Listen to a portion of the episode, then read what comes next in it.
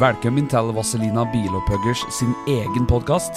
Mitt navn er Espen Haug, og i denne podkasten vil du få høre historier gjennom 40 år, album for album.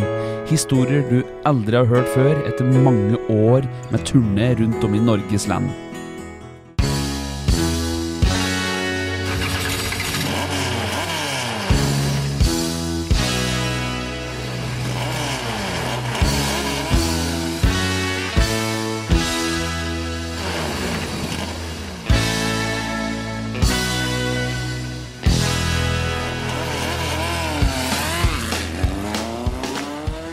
Vazelina-podden. Alt du vet, og alt du ikke vet om Vazelina Bilpaulers.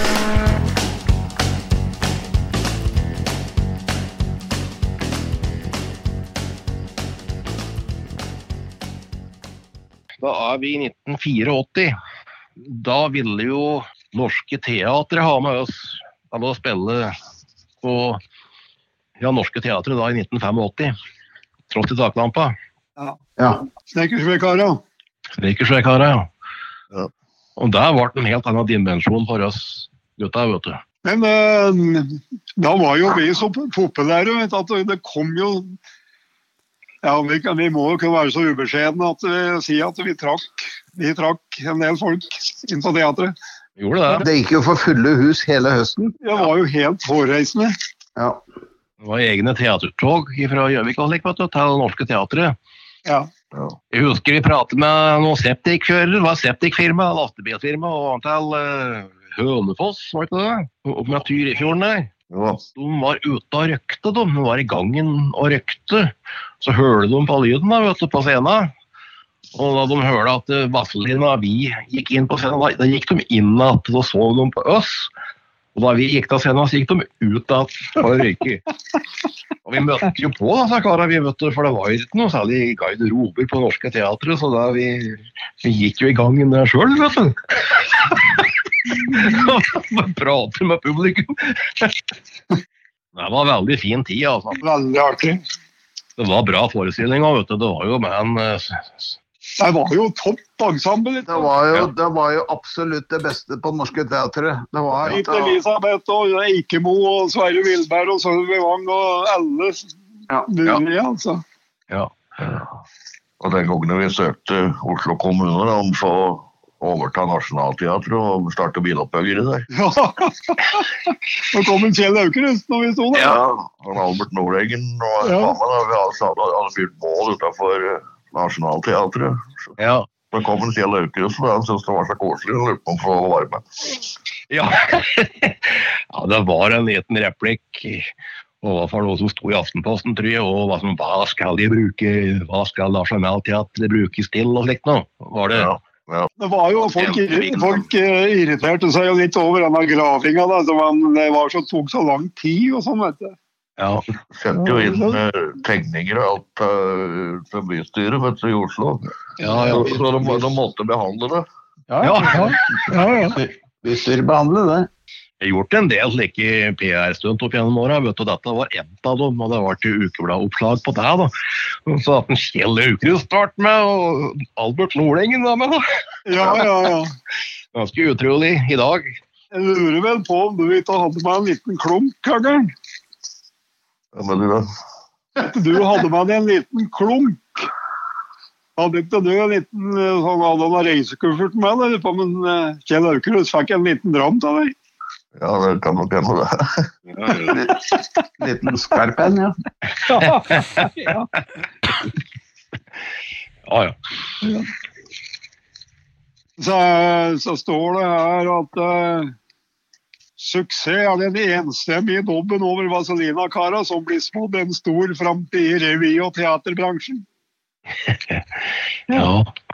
Det var jo veldig morsomt altså, å kunne være, være med her og jobbe med altså, etablerte skuespillere. Var jo Høgern og jeg, vi bodde jo i Oslo, så vi var jo mye ute sammen med dem på kveldene og sånn. ja.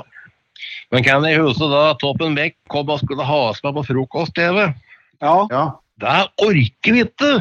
Opp der oppe i NRK klokka seks om morgenen og ha lydprøve og det ene og det andre. Men hun var nabo av Kari Stokke, som var musikalsk leder på Norske. Teatret. Og så ble vi bedt hjem til Kari Stokke på fredagskveld. Og da kom Toppen vekk med to flasker med portvin, husker jeg. Og da ble vi enige. Ja, vi skulle være med på frokost hele dagen etterpå. Da var vi Da var stor i kjeften. da. ja. Jeg så på det opptaket her for ikke så lenge siden. Det, det var faktisk ganske fint, det. Ja. Den gangen var frokost-TV et ordentlig frokost-TV, for det var jo kokken fra Grang som laga en ordentlig frokost til alle som var med. Ja. Og det var liksom det som var honorar, og det var derfor folk stilte opp, for det at du fikk en så fin frokost oppe i NRK. Så var det ikke Toppen Beck og Andreas Lundan da, som var programleder. Det, det, det var Toppen Knut. Beck og Knut Bjørnsen, var det. Knut Bjørnsen, ja. Ja, Knut Bjørnsen òg var han var ja, stor fan. Han var, vet du, han var konferansier på nesten alle disse store messene som vi spilte.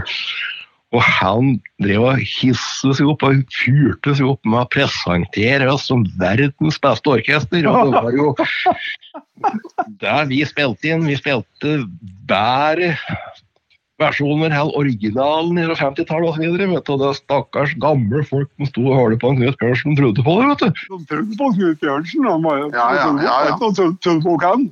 Nei, han prater bare Han prater Stemt, ja. Vi satt jo i garderoben på Lillestrøm-messa på Røde Kors-dagene, og så satt vi og ventet, da. Så begynte vi å prate på at det kanskje ikke stille opp i kvitt eller dobbelt.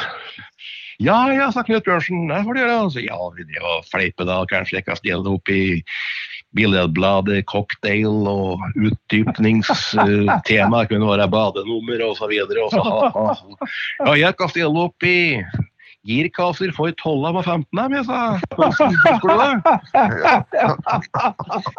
Og så begynte Knut Bjørnsen å stille spørsmål, vet du.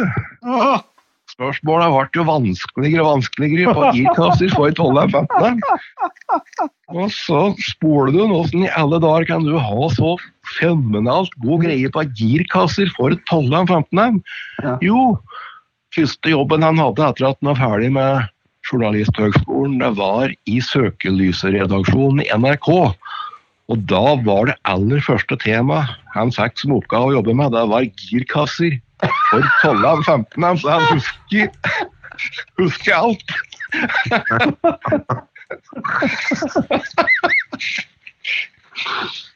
Det blir mange episoder, og husker opp på Lillestrøm-messa der, vet du. Var Barry Matheson der konferansier, og så var det vareshow, og så var det ei dame som fikk førstevalg. Ja, motorbåter og alt mulig rart. Og hun ble jo helt så fjams. Jeg tar globusen, jeg. Og hun tar globusen, sa Barry. Ja, hun tar globusen.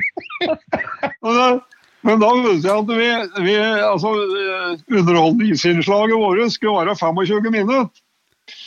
Og så fikk vi så, selvfølgelig så voldsom respons ikke sant, at vi om liksom, eh, Barry skulle takke oss for jobben, så tok vi en Barry og løfta scenen og spilte et par låter til. Ja, ja.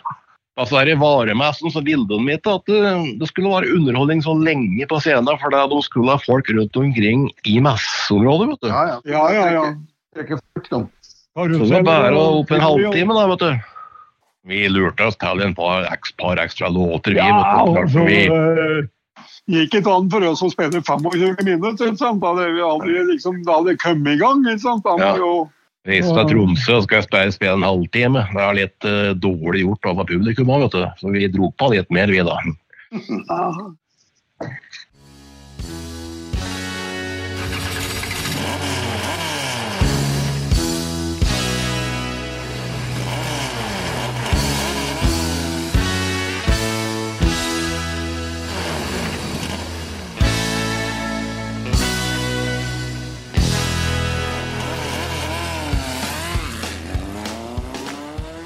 Vazelina-podden. Alt du vet, og alt du ikke vet om Vazelina Bilpaulers.